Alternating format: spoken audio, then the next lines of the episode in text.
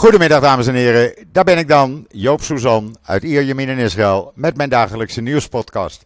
Ja, een beetje later, maar dat heeft te maken met het feit dat ik een interview had met premier Rutte.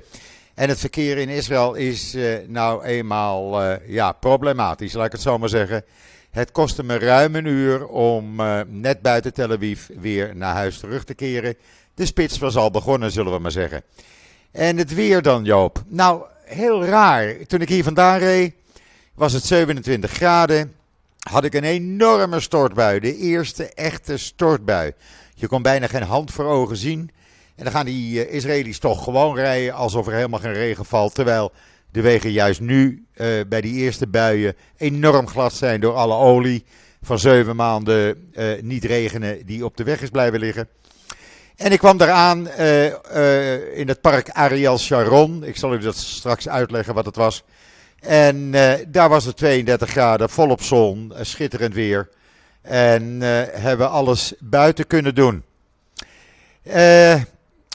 dat wat het weer betreft. Wat betreft premier Rutte, daar kom ik zo meteen op. Want er is genoeg gebeurd in Israël de afgelopen avond en nacht. Uh, laten we daar maar eerst even mee beginnen. Ik heb uh, ook nog een interview met een van de Holocaust-overlevenden. die gisteravond bij het bezoek van premier Rutte in Jeruzalem uh, aanwezig was. En die nou niet echt heel te spreken was over de manier waarop dat allemaal ging. Maar dat gaat zij u zo meteen zelf uitleggen. Eerst even COVID, zoals gebruikelijk, want daar beginnen we altijd mee. 960 nieuwe besmettingen op maandag. Uh, van de 11.127 mensen die uh, getest werden, 8,6% positief. Het R-cijfer is aan het stijgen. Dat is van R108 naar R119 gegaan. Dat moeten we toch in de gaten houden.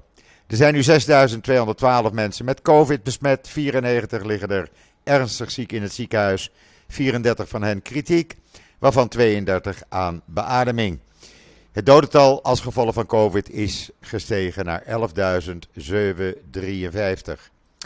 En dan afgelopen nacht hadden we gisteren uh, het bericht, dat heeft u kunnen lezen in israelnieuws.nl, over uh, die belangrijke terrorist, een van de medeoprichters van Lions Den, uh, die extreme terreurgroep, die gisteren ja, rijdend op zijn motorfiets uh, ontplofte dat ding en hij uh, is naar de 72 niet bestaande maagden toe. Gisteravond heeft de IDF een actie uitgevoerd in de schuilplaats van Lions Den. Uh, in de kasbah van Nablus. Dat doe je niet zomaar. Daar moet je echt iets voor in je mars hebben, zullen we maar zeggen. Het was een, een schuilplaats die gebruikt werd als hoofdkwartier en productielocatie voor het maken van explosieven door de Lions Den. Zij hebben de uh, explosieve fabriek totaal tot ontploffing gebracht. Er zijn uh, meerdere gewapende verdachten neergeschoten. Er werd over en weer geschoten. Uiteindelijk bleken er vijf mensen gedood te zijn. Daar kom ik zo dadelijk op terug. En later is er nog iemand gedood bij gevechten uh, op de westelijke Jordaanoever. Uh, Tijdens de operatie verbrandden tientallen Palestijnen banden en gooiden ze stenen naar de soldaten. Soldaten reageerden met scherp. Uh, en uh, ja, daar werden dus een aantal mensen uh, gedood. De terroristische groepering Lions Den is verantwoordelijk voor het uitvoeren van een aantal terreuraanvallen.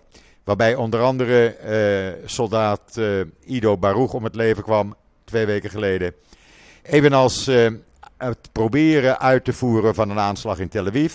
Die werd uh, op het laatste moment verijdeld door de politie. En het plaatsen van een explosief in het tankstation Kedu Mim. U kunt het allemaal zien met film in uh, israelnieuws.nl. Ze hebben nog meer aanslagen gepleegd, staat er allemaal in. Wie waren dan die vier Lions Den leden die zijn gedood? Ook dat kunt u lezen op Israël Nieuws, maar ik ga het u zeggen. Dat was uh, meneer Wadé Al-Hu, 31 jaar. Hamdi Sharaf, 35 jaar. Ali Anar, 26 jaar. En Hamdi Keem, 30 jaar. Een vijfde Palestijn, uh, Zaghi Baghdadi, 27 jaar, die stierf aan zijn verwondingen uh, nadat de IDF Nablus al had verlaten. Van de omgekomenen is Wade al-Hou wel de belangrijkste, want hij is een van de oprichters van deze terreurgroep Lions Den geweest. Die is gevestigd in de kasbah dus van de oude stad van Nablus. Zijn foto ziet u in Israël Nieuws. De afgelopen weken plaatste uh, deze terrorist opmerkingen op zijn Facebookpagina. waarin hij zich verzette tegen de pogingen van Abbas en zijn uh, mede-Palestijnse leiders. om uh, de Lions Den over te halen van joh, leg je wapens nu neer. Dat wilde hij niet, hij wilde gewoon doorgaan. Hij werd echt beschouwd als een van de belangrijkste leiders van Lions Den. En was betrokken bij veel van die aanslagen en ook bij de dood van Ido Baruch, volgens de legerradio. Uh, hij uh, was trouwens bevriend met Mozab uh, de senior Hamas-agent die een paar weken geleden door de Palestijnen werd gearresteerd in Nablus. Ook hij wordt beschouwd als een van de topcommandanten van Lions Den. Het is dus een zware slag. Nou zal er op gereageerd gaan worden. Uh, Israël is erop voorbereid. Alle veiligheidsdiensten zijn in staat van paraatheid. Want Hamas heeft natuurlijk ook al gezegd: dit pikken we niet. Dat zijn onze broeders. Dat zijn onze martelaren. Wij zullen dit wreken. En we krijgen natuurlijk verkiezingen, stemhokjes, je kent dat wel. Dus het wordt nogal wat. Ondertussen hebben de Palestijnen opgeroepen uh, om allemaal te gaan staken. Want we hebben een dag van woede in Nablus en andere delen van. Uh, de Palestijnse gebieden. En we moeten allemaal rouwen, alle Palestijnen moeten rouwen om de dood van de vijf uh, terroristen. De Fatah-factie die zei in een verklaring dat het Palestijnse volk de agressie van de bezetting zal confronteren en hun legitieme nationale en historische rechten zal verdedigen. Fatah, daar is meneer, ene meneer Abbas de baas van, dan weet u dat. Daar was uh, meneer uh, Rutte gisteravond nog op uh, de Arabische koffie. Premier Lapid heeft zojuist gezegd: iedereen die Israëli's pijn doet, moet weten dat het slecht met hem en haar zal aflopen. Hij zei dat op een bijeenkomst van de Movement for Quality Government. Ons doel was en blijft om hard en voortdurend toe te slaan op terroristen en diegenen die hen in Jenin, Nablus en overal waar terrorisme wortel schiet, daar zullen wij hard toeslaan. We zullen geen moment toegeven. We zullen het bestaan van terroristische organisaties die Israëlische burgers en IDF-soldaten aanvallen niet toestaan. En dat, toen sluit, sloot hij af met: iedereen die Israëlisch pijn doet, moet weten dat het slecht zal aflopen. Dan weet men dat. Dan is men voorbereid, moeten ze ook niet meer gaan zeuren, zeg ik dan op mijn beurt. Ja, en dan had de Universiteit van Tel Aviv iets uh, onderzocht. En dat is toch wel belangrijk. Want geomagnetische velden onthullen de waarheid achter de Bijbelse verhalen. Hoe vind je die? Dat hadden we niet bedacht. En uh, ja, zij hebben dat uitgevonden. Het is een heel belangrijk onderzoek geweest en uh, zeer noemenswaardig. Ik zou zeggen, lees het in israelnieuws.nl. En dan de Israëlische start-up Matri is uitgeroepen tot een van de drie beste start-ups ter wereld. Ter wereld. En door wie dan wel? Door de Startup World Cup 2022 in San Francisco. Is de grootste start-up competitie die er bestaat in de wereld. Eh, lees het op uh, israelnieuws.nl, zou ik zeggen. En dan uh, de directeur-generaal van het Israëlische Nationale Cyberdirectoraat die heeft tegen de premier van Albanië gezegd: joh, maak je geen zorgen. Wij gaan jullie helpen die Iraanse cyberaanvallen af te slaan en jullie internet daartoe beveiligen. Dat gaan wij doen. Hij wil het Israëlische model hebben. Nou, dat krijgt hij. Vooral uh, voor de bescherming van kritieke nationale infrastructuur en de ontwikkeling van defensiecapaciteiten in zijn land. Dus heel goed, heel, heel goed dat hij dat doet. Mooi nieuws. De gevluchte Afghaanse wereldkampioene Fariba Hashima, Hashimi, die heeft getekend bij de premier Israel Cycling Federation. Het wielerteam van uh, Sylvain Adams. die ook met de Tour de France meedoen. zij heeft dat getekend tijdens het wereldkampioenschap in Zwitserland. Of het Afghaanse nationale wielerkampioenschap, zo moet ik het zeggen, in Zwitserland. daar werd ze eerste en haar tweelingzuster werd tweede. Hoe mooi is dat? Uh, en zij heeft een contract getekend, dus nu bij uh, het Israël Premier uh, Cycling Team, wielrenteam. Contract voor een aantal seizoenen. En nou, dat betekent dat ze de Tour de France voor vrouwen onder andere gaat rijden. En ze gaat ook met andere hele belangrijke wedstrijden meedoen. Hoe mooi is dat? En dan ga ik nu even contact zoeken met Marianne Geuns. Dat is een van de Holocaust-overlevenden die gisteravond dus eh, bezoek kreeg van meneer Rutte. En zij belde mij gisteravond laat al op om te klagen. Joop, ze hebben ons dan wel gehaald en gebracht met een busje van de ambassade. Maar wat we nu hebben meegemaakt, ik had beter thuis kunnen blijven. Dus even een secondje geduld. Dan ga ik er even. Nou, dan heb ik uh, Marianne aan de lijn. Goedemiddag Marianne. We hadden elkaar al gisteravond een paar keer gesproken. Jij uh, bent bijgekomen van uh, het bezoek van premier Rutte gisteravond. Nou, noem jij dat bijgekomen? Ik zit er nog over na te denken. Ja, hè? Zeg het maar. Hoe was het bezoek? Was het, was het leuk? Ze hebben je gehaald en gebracht met een busje, hè? Ja, van de ambassade. Daar is niks op aan te merken. Het was een prachtig busje, dat heel comfortabel. Maar uh, kijk, wij hebben allemaal een brief gekregen hier in Israël dat premier Rutte zou komen naar Israël en hij wou met de overlevenden van de uh, Shoah praten. Ja. Wat ik denk dat iedereen zich voorbereid heeft op uh, het ergere wat ze allemaal meegemaakt hebben. Ja. En uh, dat heb ik bewust niet gedaan, want anders hadden we er nou nog gezeten. Maar toen ik zo rondkeek door de zaal, was, als hij aan het praten was met mensen. We hadden dus zes tafels en aan iedere tafel was, zaten zes mensen. En hij zou van tafel naar tafel gaan. En ik zag hem dus duidelijk heel rustig uh, praten en luisteren. En eindelijk kwam die dan ook bij ons aan de tafel. Een mevrouw naast me die had wat te vragen. En dat was geloof ik nogal reëel. Want hij zei tegen iemand, uh, neem dat even nog met deze mevrouw door. En toen zei ik, kan ik ook even met u praten? Ja, natuurlijk, dat kon. Dus ik vraag aan hem, meneer Rutte, waarom uh, geeft u zoveel geld aan terroristen? Toen zegt hij, dat is helemaal niet waar. Toen zeg ik, nou, dat moet u dan maar aan mevrouw Kaag vragen. Die weet er alles van. Heel goed. Toen zei hij, uh, nou, dat zal ik dan aan alle kanten verdedigen. Oh. Toen zei ik, meneer Rutte, uh, u feliciteert onze prime minister of onze president nooit als we, uh, jong, als we een nieuw jaar hebben. U wenst ons niet het allerbeste met Yom Shoah en... Met Joodse feestdagen, zeg maar. Ja, met ja. Joodse feestdagen. Ja. En toen zei hij opeens, ik heb, moet er nu vandoor. Oh, hij gaf geen antwoord? Nee, nee. Ik heb en het hem wel gevraagd hoor, en dat antwoord zal je straks ook horen. Maar ja? eh, dat vind ik niet netjes van hem, om geen antwoord te geven. Nee, maar daar ik wou bijna zeggen, meneer Rutte, eh, dit, uh, deze antwoorden of deze gebaren ken ik al, want ik kijk altijd naar de televisie.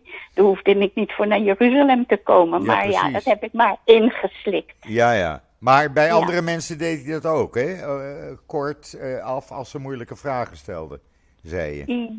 Ja, maar ik kon dat natuurlijk niet goed zien, want ik bleef natuurlijk op met, aan mijn tafel Ja, zitten. je mag niet van je plaats. Je mag Nee, niet van je op- plaats. Nee, dat, nee. Maar ik observeerde hem en mensen waren dan heftig aan het praten en ze hadden boekjes bij zich. Of eh, ik denk dat ze over hun verleden praten en dan, daar was hij dan wel geïnteresseerd in. Maar je mag hem natuurlijk geen scherpe vragen stellen. Nee, kritische vragen, dat hoor je niet te doen. schijnbaar. Nee, dat mag Nee, niet. Je mag niet zeggen wat er op je hart ligt. Dan Nee. heeft hij eh, even geen tijd. Ja, en het duurde toch nog vrij lang, want hij kwam met vertraging. Het was ongeveer bij achter, uh, achter afgelopen. En weet je wat, de rijsttafel kwam ook niet. Oh, dus je hebt niks gegeten? Nee. Jullie gingen met hongerige maag terug naar huis? Ja, ja. Waarom ja. was dat?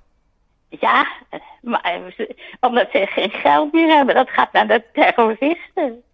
Maar uh, begrijp ik het goed dat jullie helemaal niets te eten hebben gehad? Tussen nee, we hebben wel. Uh, nee, nee, we, er stonden koekjes op tafel en stuk, hele kleine stukjes taart. En ja, maar daar kan je, dat is geen avondeten. Kom op zeg. Nee, nee, natuurlijk niet. En toen moest jij nog een uur uh, terug naar Herzliya. Ja.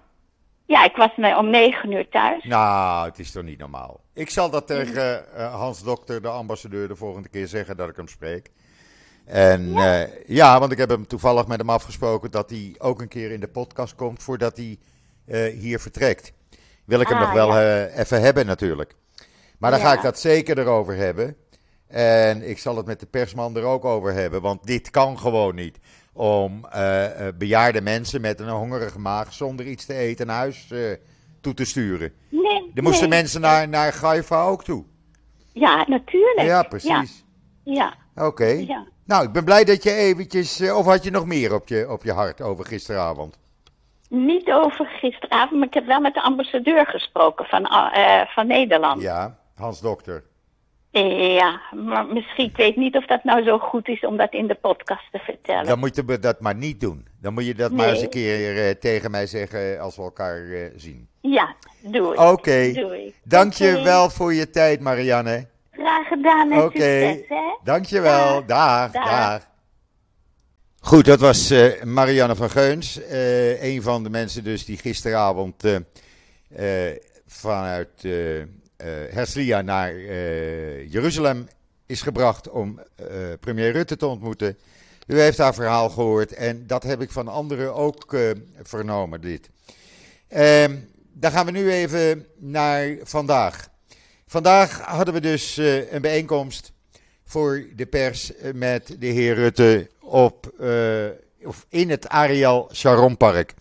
Het Ariel Sharon Park is de voormalige vuilnisbelt uh, van de regio Groot Tel Aviv. Die is omgezet in een prachtig natuurpark, echt waar. Ik was er nog nooit geweest. Je hebt er een uitstekend, prachtig, breed uitzicht over heel Tel Aviv en omgeving. Je zit onder de landingsbaan van Ben Gurion Airport. Je kan de vliegtuigen bijna aanraken. Uh, en daar werd het gedaan in de buitenlucht. Gelukkig, het was uh, 32 graden, volop zon. Ik heb weinig van de zonsverduistering gemerkt. En uh, geen regen. Eh, en ja, daar kwam de heer Rutte. eh, en toen werden we eerst aan hem voorgesteld. dat was aanwezig de journalist van uh, het Financieel Dagblad, Ralf Dekkers van de Telegraaf, Ankie uh, Regges natuurlijk en mijn persoontje. in eerste instantie ging de heer Rutte in zijn algemeenheid zijn ervaringen delen met ons. Ik heb dat opgenomen. het geluid is niet zoals het zou moeten zijn, maar ja, sorry daarvoor. Uh, het kon niet beter. Omdat je niet uh, heel dichtbij kon uh, staan. en daarna kom ik nog heel even bij u terug. En het krijgen jullie het interview wat ik met de heer Rutte had. daarna te horen. dan gaan we even kijken. We gaan hem aanzetten. En dan krijgt u het interview te horen. zijn weergave van zijn ervaringen.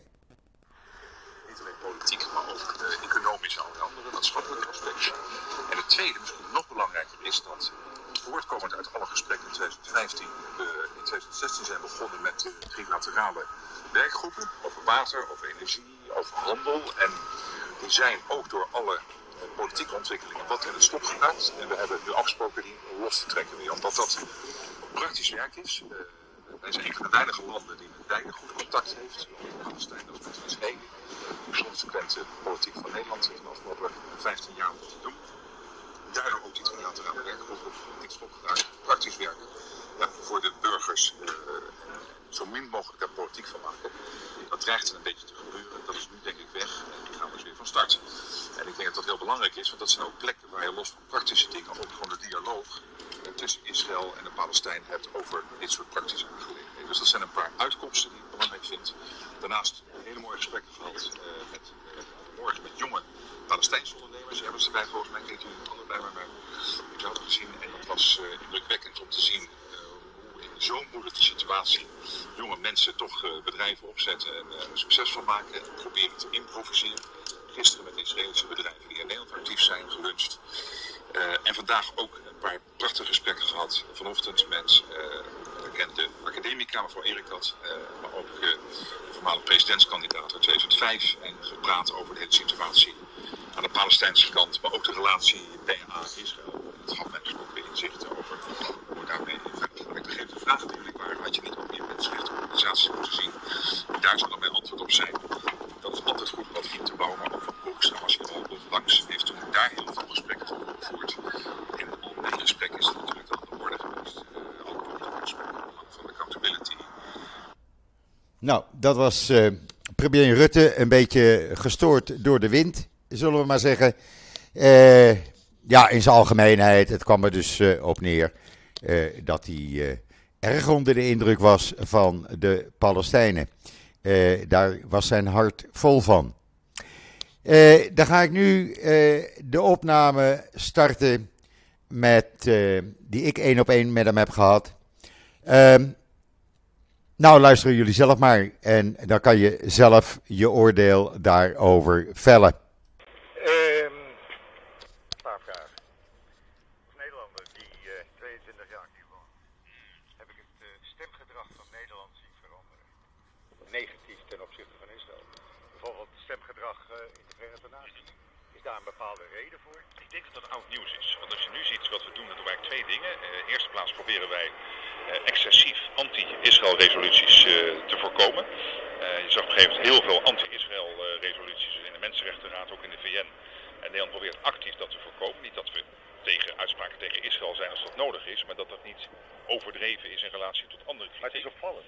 Ja, het is verminderd. Nee, maar het één is dat we dat dus actief nu bezig zijn, op basis van een Kameruitspraak, om dat juist uh, terug te schalen. Okay. En het tweede is, even als voorbeeld ook, uh, er is natuurlijk uh, de discussie over de Commission of Inquiry. Nederland heeft zich aangesloten bij de zorgen die ook Amerika heeft geuit over die commissie. Ook een bewijs dat Nederland probeert steeds het, het evenwicht te behouden en te voorkomen dat je te kritisch bent naar een van beide kanten. Omdat het niet zoveel zin heeft om die, dat conflict hier naar Nederland te halen. Nederland moet juist proberen een oplossing te dragen aan dat conflict. Ja, ja. Een andere vraag. Waarom geeft de Nederlandse Vereniging van Nederlandse Gemeenten onder het mom van inspraak leren 1 miljoen euro van Buitenlandse Zaken uh, aan de Palestijnse NGO APLA, Association of Palestinian Local Authorities, waarvan niemand het bestaan wist of weet. Zelfs NGO Monitor zegt Joop, we hebben daar nog nooit van gehoord. Dan overvraag ze mij, dan moet ik erin duiken. Dat uh, kan ik niet op beantwoorden. Dat is toch wel een. Uh, nee, gaan, we, gaan we uitzoeken. Kom okay. terug. Um, andere vraag. Waarom geeft Nederland steun aan organisaties die geen twee-staten-oplossing steunen? Al-Mazan en de Palestinian Women Society. Kijk, wat Nederland probeert te doen is uh, bij te dragen aan een rijk uh, maatschappelijk middenveld, zowel aan de Israëlische kant als aan de Palestijnse kant. er is ook zorg bij ons over de invallen bij Palestijnse NGO's in Israël. die de Palestijnse zaak proberen te bevorderen. We hebben gezegd, als je daar bewijs voor hebt dat hij iets doet wat hij kan, dan willen we dat bewijs zien. Wij kunnen dat niet vinden. We hebben ook gezegd, we hebben het zelf uitgezocht. Wij zien geen aanleiding om de relatie met die organisaties uh, uh, te beëindigen. Uh, en daarbij is dus van belang dat je, je kan niet alleen alle organisaties exact steunen die precies de Nederlandse positie weerspiegelen. Wij proberen daar ook weer evenwichtig in te zijn en bij te dragen aan dat brede maatschappelijk middenveld op een manier dat je natuurlijk geen organisatie steunt die uh, terroristisch zijn stiekem in het geheim of op andere manier uh, anti Nou, dat valt op. Dat valt, dat valt op. NGO Monitor die, uh, die kwam daarmee gisteren. Maar dat gaat over de twee-staat-oplossing. Maar er zijn ook politici hier in Israël die niet voor de twee-staat-oplossing zijn. Er zelfs politici aan de Palestijnse kant ja, ja. die niet voor ja, de twee-staat-oplossing zijn. Okay. Het wordt ingewikkeld als je alleen heel precies zaken zoomt. Wij zijn voor de twee-staat-oplossing. Ja. De grens van 1967 en alles erop, erop en. Uh, maar belangrijk is dat je geen NGO steunt die anti-maatschappelijk uh, zijn, die, die, die, met die geweld propageren. Uh, dat is natuurlijk het verwijt van Israël tegen zes van die organisaties. Ja. En daarvan hebben wij gezegd, eh, give us the facts and the, and, and, and the proof. En we hebben het niet. Oké. Nog twee vragen. Eh, het valt veel Nederlandse luisteraars van mij op. Ik heb een eh, podcast met Ja. 334.000 Nee, zeker. U bent eh Eh, het, valt, het valt ze op dat u geen eh, gelukwensen meer doet aan de Joodse gemeenschap de laatste paar jaar. Dat is niet waar. De ambassade en de ambassadeur doen dat. Bijna bij alle grotere Ja, maar u persoonlijk. Eh, Ik doe het regelmatig, doe ik dat voor de verschillende geloofsrichtingen. Maar ik probeer het ook een beetje te spreiden tussen de hindoestanen in Nederland, eh, Joodse gemeenschap, anderen in Nederland, Ja, maar eh, de moslim Men viel erover. Ja, maar Men zegt dan, het is al een paar jaar zo. nou, dan gaan we er opnieuw naar kijken. Maar we Ik proberen, we, gaan kijken. naar kijken. We Ja. proberen echt een evenwicht te behouden tussen de verschillende geloofsgroepen. Oké. En dan, eh, laatste vraag.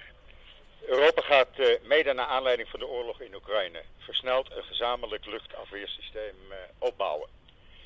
Eh, naast de reeds eh, gehuurde, door Duitsland gehuurde drones van Israël gaat Israël hierin ook een van de belangrijkste leveranciers worden. Duitsland heeft die, de eerste stap gezet. Die heeft dus vier van die drones rond Berlijn. Hoe ziet u de rol van Israël in verhouding tot de aanhoudende kritiek vanuit de Tweede Kamer en de Europese Unie? Ja, die kritiek is breder. Eh, dat is dat Israël wel humanitair helpt. Eh, dat Israël ook helpt eh, in de bestrijding van de Iraanse drones die op dit moment Oekraïne teisteren. Maar ik heb ook gezegd, erkennend dat het het recht van Israël is om te beslissen aan wie zij militaire goederen leveren, dat het zou worden toegejuicht als Israël, ook met luchtafweer, waar Israël natuurlijk eh, ongelooflijk goed in is, eh, zou helpen in de strijd eh, van Oekraïne tegen de vreselijke Russische agressie. U weet dat Is- Israël maar 25 Iron Domes heeft. Ja, maar dan heeft u het over één specifiek systeem, wat misschien Ja. nog wel heel erg lang duurt voordat je dat opgebouwd hebt. En dan is mogelijk het conflict alweer zover dat het nog de vraag is of het dan nut heeft. Maar Israël kan ook op andere manieren helpen met, met luchtafweer, los van de Iron Dome. Nou, men heeft ook gezegd mede te helpen met het ontwikkelen van een luchtafweersysteem voor Oekraïne. Toch denk ik dat Israël meer kan doen. eh, maar hoed ik mij ervoor om zo ver te gaan om daartoe op te roepen, maar wel te zeggen het zou enorm worden toegejuicht. Ja, ja. Nou, dan een allerlaatste vraag die iemand wilde weten. De UNRWA-studieboeken, die zijn nog steeds zonder erkenning van eh, Israël. En Nederland betaalt daar mede aan. Eh, wanneer gaat Nederland daar eens wat meer druk op uitoefenen dat daar gewoon Israël in komt te staan in die schoolboeken? Kijk, dat zijn natuurlijk de gesprekken die wij steeds hebben met beide kanten. Ja. Om eh, te erkennen de geschiedenis, eh, te erkennen wat voor vreselijke dingen er in de geschiedenis gebeurd zijn. Eh, te erkennen van het belang dat Israël er is, Ja. dat Israël het volste recht heeft hier te zijn. En tegelijkertijd vooral ook bij te dragen aan het deescaleren van het geweld tussen, aan de Palestijnse kant. Maar ook tussen Israël en de Palestijnse kant. gaat er een beetje druk op uitoefenen. Nou, niet nu opnieuw, maar we hebben een constant gesprek met alle partijen om te zorgen dat er een verre weergave is van de geschiedenis. Oké. Nou, dat was het. Dankjewel. Wat mij betreft. Ja, mooi. Bedankt. Bijzonder om een keer van optreden in de podcast. U krijgt hem via uw secretaresse. gaan we doen. Oké. Goed, dat was dan eh, de heer eh, Rutte. Eh, ja, een beetje ontwijkende antwoorden, laat ik het zo maar zeggen. Eh, ja, had ik ook eigenlijk wel verwacht hoor. En nogmaals, sorry voor de geluidskwaliteit, maar er was geen betere mogelijkheid. Eh, over het algemeen vond ik hem wel open. Eh, hij kwam ook op mij over zoals hij bij iedereen altijd overkomt als je hem op eh, tv ziet in een interview. Eh, ja, hij probeert amicaal te zijn, maar daar moet je dus even doorheen prikken. In ieder geval, het was leuk om eh, mee te maken, leuk om hem te interviewen. Eh, we gaan zeker eh, hiermee door. Zodra er weer iemand uit Nederland komt, belangrijk, zullen we die ook zeker weer eh, in de podcast proberen te krijgen. De contacten zijn goed, dus dat moet gaan lukken. Het is een beetje langere podcast geworden. Het is een beetje latere podcast geworden. Eh, maar ja, eh, dit soort dingen moet ik ook doen. En ik heb maar één lijf. Ik kan me niet in tiende snijden. Goed, wat mij betreft was het dat voor vandaag. Eh, iedereen nog een hele fijne voortzetting van de rest van de dinsdag. Het is hier inmiddels al eh, vier uur in de middag. Eh, ik ben er morgen weer en zeg zoals altijd: tot ziens, tot morgen.